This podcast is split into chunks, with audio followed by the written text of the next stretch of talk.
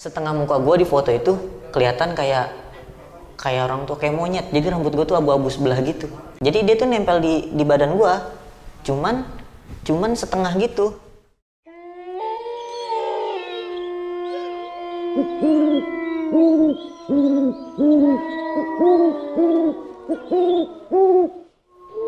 Assalamualaikum warahmatullahi wabarakatuh. Bersama gue Bayu di Storymon ID Kali ini gue syuting di daerah Kota Kembang. Kebetulan di base campnya KPGR Regional Depok. Nama lu siapa Bre?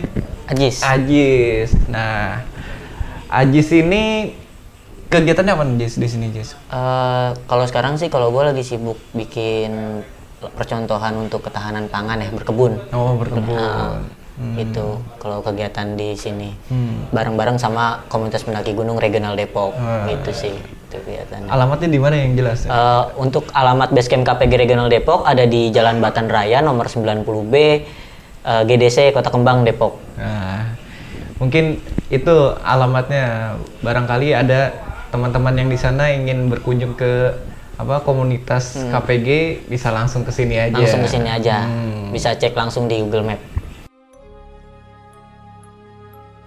Oke, nggak usah lama-lama, kita dengarkan ceritanya Bang Ajis ini.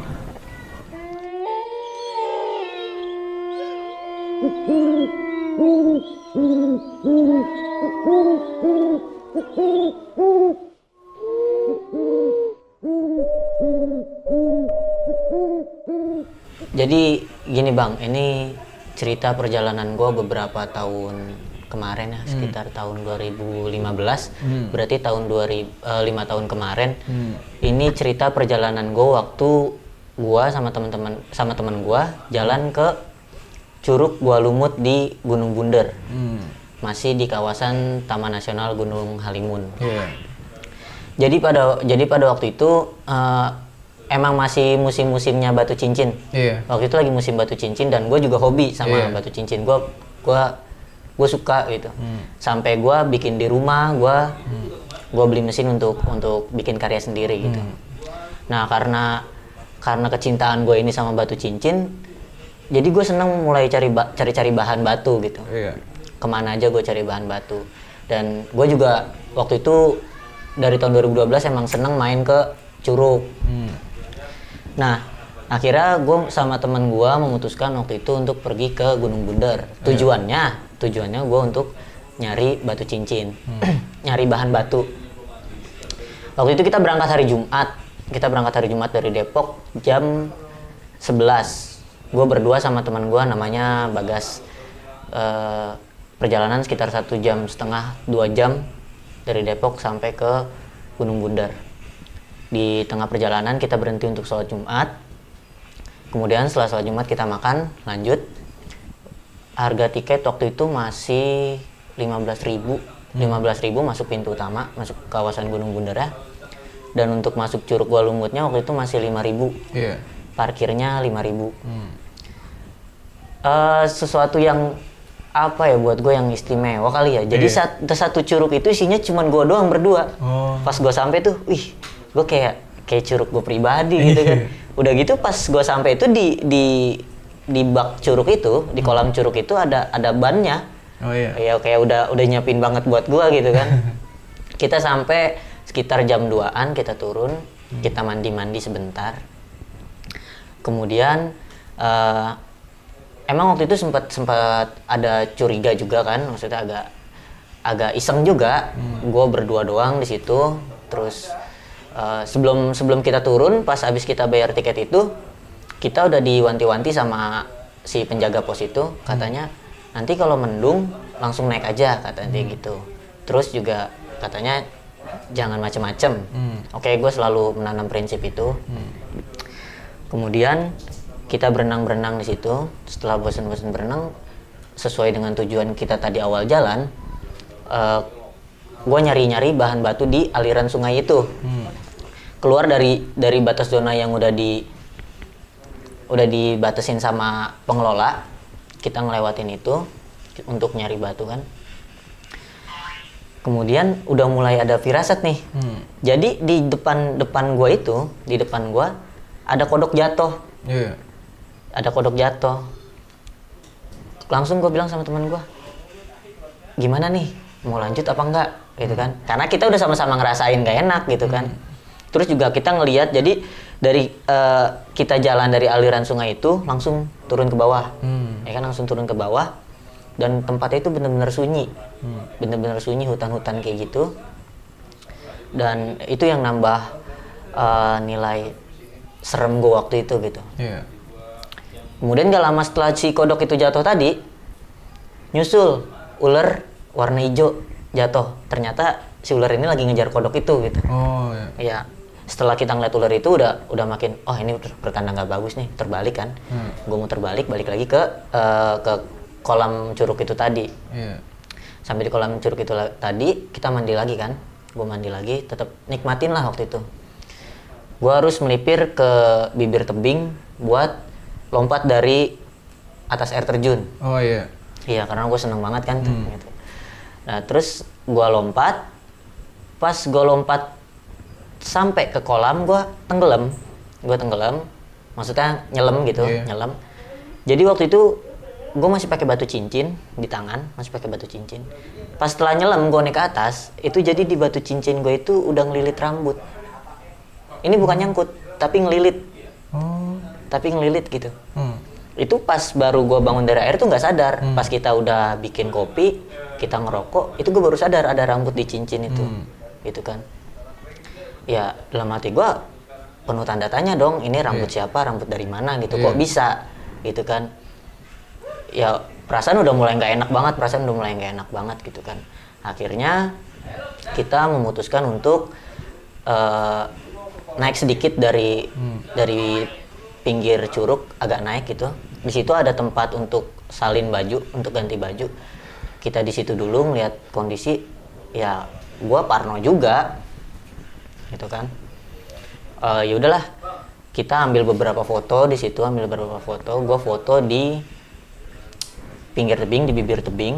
Deh, jadi gua view gua ngeliat ke kolam di bawah gitu kan. Iya. Oke setelah itu selesai kita jalan pulang.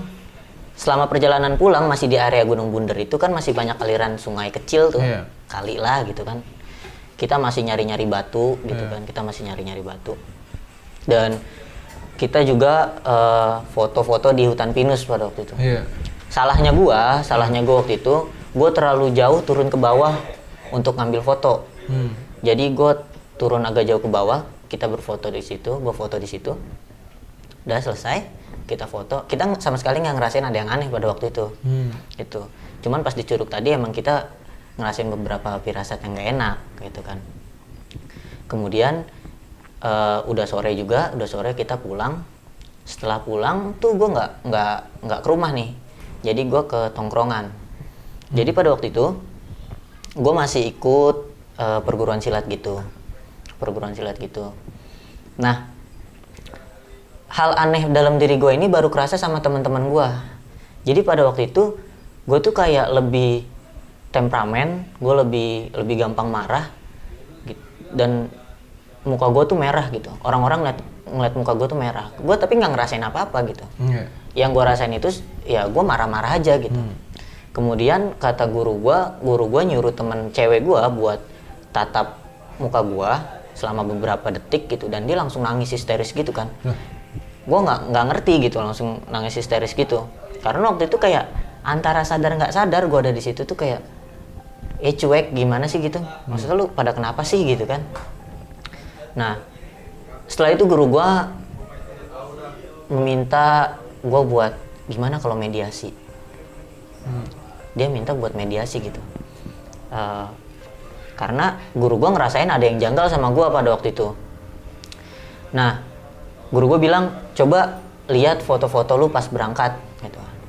Dicek foto-fotonya itu dan ternyata ada beberapa dari foto yang gue ambil di Gunung Bunder tadi salah satunya yang di bibir tebing tadi sama yang di hutan pinus itu ada kejanggalannya.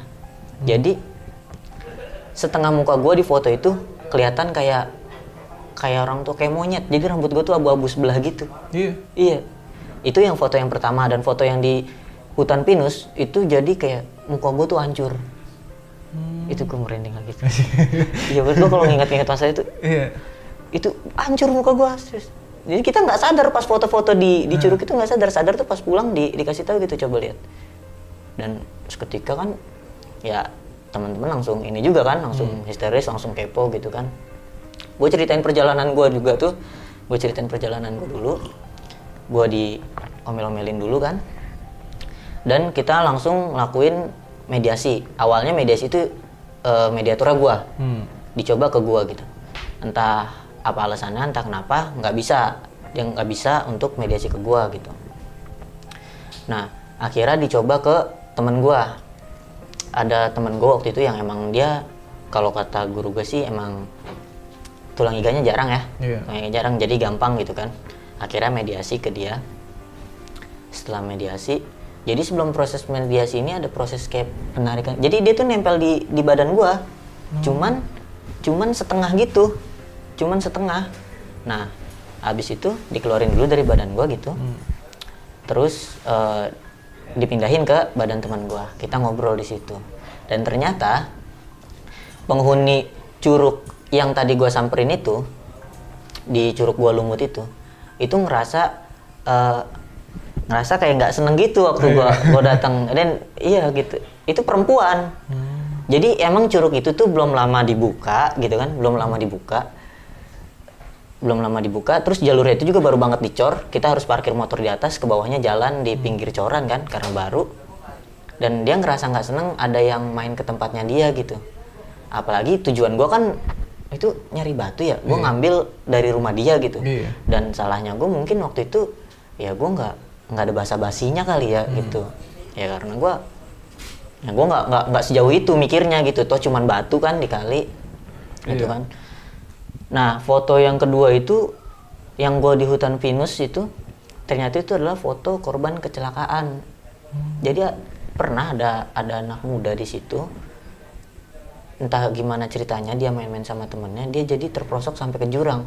Dan beberapa kali dia jatuh ke jurang itu mukanya itu terbentur sama batu di jurang itu. Batu pohon jadi mukanya itu hancur. Ini visit dari teman gue ya maksudnya penglihatan dari teman gue dia yang cerita gitu sama mediasi itu dan pada waktu itu yang bikin PR-nya itu dia minta dianterin pulang Iya. Iya, karena dia nempel di badan gue, dia minta dianterin pulang. Karena pada waktu pas dia meninggal itu, itu nggak ada yang nemuin. Sampai sekarang. Nggak ada yang nemuin. Gue nggak tahu kalau sampai sekarang mungkin keluarganya udah tahu gitu kan. Atau karena waktu kita pas proses nganterin pulangnya itu kita coba ngobrol sama orang setempat, sama penjaga pos, mereka nggak ada yang ya eh nggak tahu gitu. Kayaknya nggak nggak pernah ada apa-apa di sini kata kata mereka gitu kan. Ya udah setelah itu setelah mediasi itu tadi tadi berjalan kita mutusin buat nganterin si arwah ini balik lagi ke gunung gede itu eh gunung bundar itu ya kan nah pas udah besoknya kita nganterin itu baru tuh gue bisa bisa kembali normal. Gue masih masih bisa gue bisa lagi ngatur emosi gue Iya. nggak kayak pas waktu gue ketempelan ketempelan itu. Hmm. itu. Dan hal yang tapi yang menurut gue aneh tuh ya kenapa kok bisa nempelnya sama gue gitu? Iya. ya gue berpikirnya sih kayak mungkin dia minta dianterin pulang aja sih kayaknya gitu kan. Gitu. Tapi buat gue yang masih jadi misteri kenapa dia bisa nggak ketemu gitu. Karena menurut waktu pas mediasi itu dia minta dianterin pulang dan gak ada yang nemuin dia gitu. Gitu. Nah sampai situlah perjalanan gua waktu itu perjalanan yang menurut gua cukup cukup bikin bulu kuduk merinding gitu kan. Iya. Tapi cukup jadi pelajaran juga pada gua eh, buat gua pada waktu itu.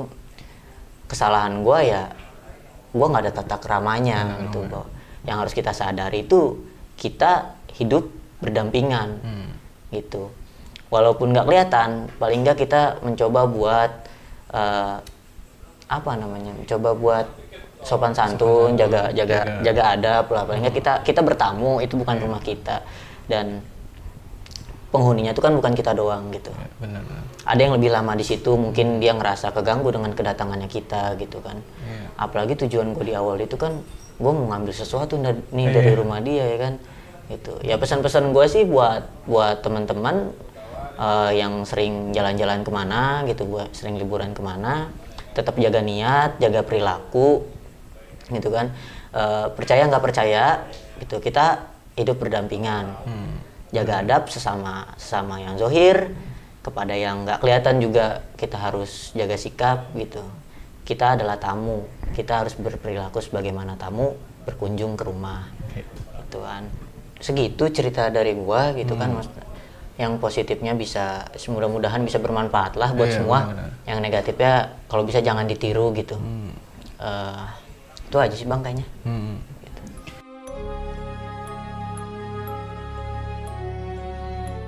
Oke, Bang Ajis, thank you banget. Iya, Mungkin Bang. cerita kali ini dari Bang Ajis ini bisa kita ambil dari pelajarannya.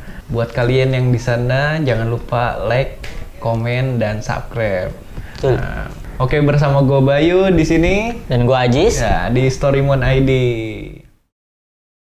yang gotong gua tuh di kanan tiga kiri tiga wah itu katanya lu kecil tapi berat banget katanya kenapa katanya Padahal gua di situ udah nggak tahu gua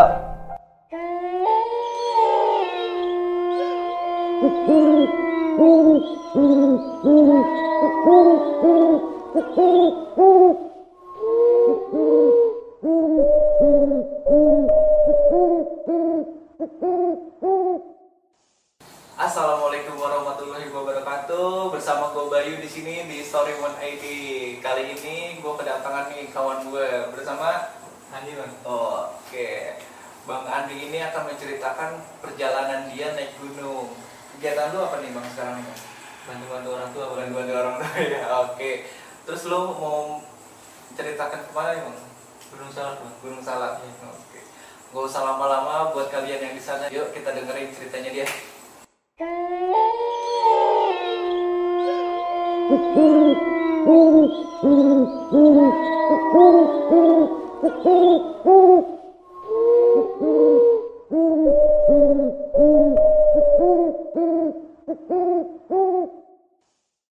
Gini bang, gue pengen cerita gunung yang paling suka gue daki gitu ya ke Gunung Salak gitu. Mungkin karena alasannya itu dekat dari rumah apa eh, menghemat biaya gitu.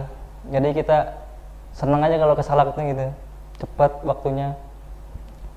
Padahal dulu sebenarnya gue punya punya pengalaman buruk gitu waktu ngedaki Salak. Dulu itu sekitar kalau nggak salah 2014 bang ya kita ada pendakian bersama dari tempat kerja. Kita ngedaki tuh lewat pos Cimelati waktu itu. Waktu itu pos Cimelati itu belum ada yang jaga bang. Masih naik-naik aja gitu dulu. Paling ada warga gitu yang jaga. Dulu kita pendakian sekitar 30 orang lah bang. Eh, waktu naik gunung itu apa ya jam sekitar jam 8 lah kita baru naik tuh. Jam 8 tuh kita naik tuh dari pos ya. Dari pos tuh lewatin hutan pinus tuh bang pinus. Sampai langsung pos 3 lah bang. Ada kayak mata air gitu bang. Cuma bukan mata air kayak selang warga gitu cuma buat minum para pendaki gitu. Jadi ada buat ngambil airnya. Situ sekitar siang lah bang jam 11 paling nyampe pos 3 baru. Karena kita mungkin banyak ya 30 orang jadi mendakinya apa berurutan gitu. Nah di sini gue pengen cerita bang. Apa janganlah jangan kayak gue gitu ya. Gua dulu gua tuh dulu tuh jeleknya kalau mendaki tuh apa suka teriak-teriak gitu bang. Mungkin juga karena gua supporter gitu ya. Resep nyanyi-nyanyi gitu sama bocah sedangkan mitosnya kan kalau Gunung Salak ya orang gak, boleh sompral lah gitu ya. Nah, Gunung Salak tuh mistisnya kan kental banget ya. Wah gue tuh kalau setiap jalur tuh saut-sautan gitu sama teman gue gitu. Misalnya Borja Roma gitu teman gue Borja Roma lagi gitu. Wah teriak-teriak lah sepanjang jalan ya. Sampai di atas tuh siang kira-kira bang. Di puncak tuh terus tuh selama di puncak juga kita sering bercanda tuh. Apalagi kan di puncak tuh ada kayak petilasan gitu bang. Kayak makam Mbah Salak kalau pendaki bilang sih. Itu ada gubuk ada kayak petilasan gitu kayak makam ya. Sorry eh, dari pos melati ke puncak berapa lama? Kita waktu itu 6-7 jam lah bang di puncak tuh wah mantep bang. Kalau salak tuh sepi gitu ya. Nggak ada pendaki lain cuma kita doang. Emang kita rame sih 30 orang. Jadinya cuma kita itu doang. Nah saya sukanya salak tuh gitu bang. Apa ya? Nggak rame pendaki gitu. Berhubung karena ini pendakian bersama aja gitu jadi rame. Jadi gue ke bawah suasananya bercanda mulu gitu apa teriak-teriakan gitu. Kebetulan kan itu kalau nggak salah itu pas 17 Agustus bang ngerayain 17 Agustus bareng komunitas pari itu waktu itu. Dari pabrik bang. Nah nggak cukup teriak-teriak gue itu waktu pas upacara tuh kan ngadain upacara. Selesai upacara gue bakar ini bang. Eh supporter kan tuh smoke smoke bom nah gue di puncak tuh bakar tuh sama bocah. Kebetulan gue ngajak dari Roma Klub Bogor kan tuh dari rame-rame tuh kita bakar kita nyanyi-nyanyi itu di atas tuh. Pas itu teman kita salah satu mungkin ada yang bisa ngeliat gitu atau gimana gitu ya. Dia pengen sebenarnya pengen ngebilangin tapi gue udah terlanjur bakar-bakar kayak gitu ya. Gue sambil nyanyi-nyanyi udah tuh bang di atas. Akhirnya pas udah gue baru bilangin apa ya? Ini salah aku nggak boleh gitu apa ya. Akhirnya gue kan wah iya iya. Tapi gue jawabnya sambil bercanda-canda gitu bang. Nggak terlalu seriusin gitu. Tapi teman gue juga biasa lagi gitu. Apa ya? Terus tuh kan habis upacara itu kan kita turun tuh bang. Mau turun. Mau turun kita ngopi dulu ngopi. Terus gue bercanda lagi tuh sama temen gue tuh. Itu Mbak Salak udah kasih kopi belum? Udah semalam gitu sama bocah tuh kopi cuma nggak pakai gula. Jadi pahit gitu canda ya. Akhirnya tuh kita turun tuh bang turun. Emang pas turun juga gue rasanya gimana gitu ya? Kayak lemes aja gitu ya. Padahal pas turun biasanya kalau gue naik gunung tuh pas turun tuh lari gitu semangat ya enak kan? Itu gue lemas kayak gimana ya? Kayak jalan gitu aduh. Udah jomplang gitu bang. Pas itu turun tuh nyampe pos 3 tuh bang. Masih sore tuh. Sekitar jam 2 lah. Eh jam 3 lah. Kita tuh pada is memang pada istirahat di situ tuh pada ngopi apalah ya. Kebetulan bang kalau gua istirahat tuh suka buka baju ya. Masih suka teriak-teriak juga itu bang. Masih. Udah gitu teman gua tuh masak air tuh di situ bikin nyalain kompor masak air kan. Airnya air tuh masih mendidih bang terus gue di bawahnya tuh lagi beresin keril ya. Tahu-tahu tuh temen gue tuh nendang nesting bang. Kenala pantat gue bang itu nesting. Isinya air mendidih. Boh gue langsung kelojotan bang. Dari kompor tuh itu kan undakan bang. Jadi gue di bawahnya kompor di atas tuh nggak jauh lah. Jadi pas ditendang tuh loncat gitu kok apa nestingnya. Sama temen gue tuh emang temen gue itu partner bercanda gitu. Jadi tuh pas di situ wah gue langsung karena gue langsung dibukain kan tuh. Pantat gue udah melepuh ya. Wah gue udah nggak peduli dah. Padahal di situ ada cewek ya. Gue udah nggak pakai celana tuh. Akhirnya tuh kan dari senior senior pari tuh kita dibikin tandu dadakan tuh. Pada nebang pohon tuh bikin tandu kasih sarung kita seadanya akhirnya gue digotong tuh ke bawah. Yang gotong gue tuh di kanan tiga kiri tiga. Wah itu katanya lu kecil tapi berat banget katanya. Ngapa katanya? Padahal gue di situ udah nggak tahu gue ngomongnya udah kagak jelas kata bocah. Gue juga nggak sadar itu udah. Karena uh panas banget pantat gue ya udah temen gue gue suruh ngipasin terus kipasin kipasin gue digotong tuh ulama juga padahal pas naik tuh ya ke pos 3 tuh nggak terlalu ramah bang. Itu pas turun bang lama banget. Kita sampai kena malam. Padahal yang gotong gue tuh ganti-gantian. Ada 9 orang bang ganti-gantian. Sampai bawah jam berapa ya? Kita di pos 2 tuh sempat berhenti dulu bang. Maghrib tuh berhenti tuh maghrib wah gue udah lihat kanan kiri kan gelap ya. Gue udah kagak berani lihat kanan kiri gitu ya. Kayaknya ada yang ngawasin aja gitu bang. Pas sampai bawah jam 7 malam kayaknya bang itu wah jalurnya juga kan buat gotong orang Cimelati susah banget ya bang. Jalurnya emang salak mantep dah. Juga gua nggak lupa nih terima kasih sama senior senior pari nih yang nolongin gua. Itu gua sebulan bang sampai nggak kerja itu gara-gara itu. Gue bisa jalan cuma gue nggak bisa pakai celana gitu bang gua jadi pakai sarung bang kayak orang sunatan di rumah juga gue bang pas kejadian itu ya gue kalau tidur tuh kayak ngerasa ada yang diawasin gitu bang. Kalau tidur di rumah gitu. Selama sebulan tuh bang akhirnya tuh gue janji gitu ya kalau gue sembuh gue mau naik lagi ke atas nih gitu. Ke salak akhirnya tuh bang setelah sebulan sembuh lah gue putusin gue buat naik lagi ke salak. Kayak gue udah janji aja gitu kalau gue bisa sembuh lagi gue pengen naik salak lagi gitu. Pengen kayak ada yang minta maaf lah gitu ya karena mungkin terlalu sompral apa gimana gitu ya.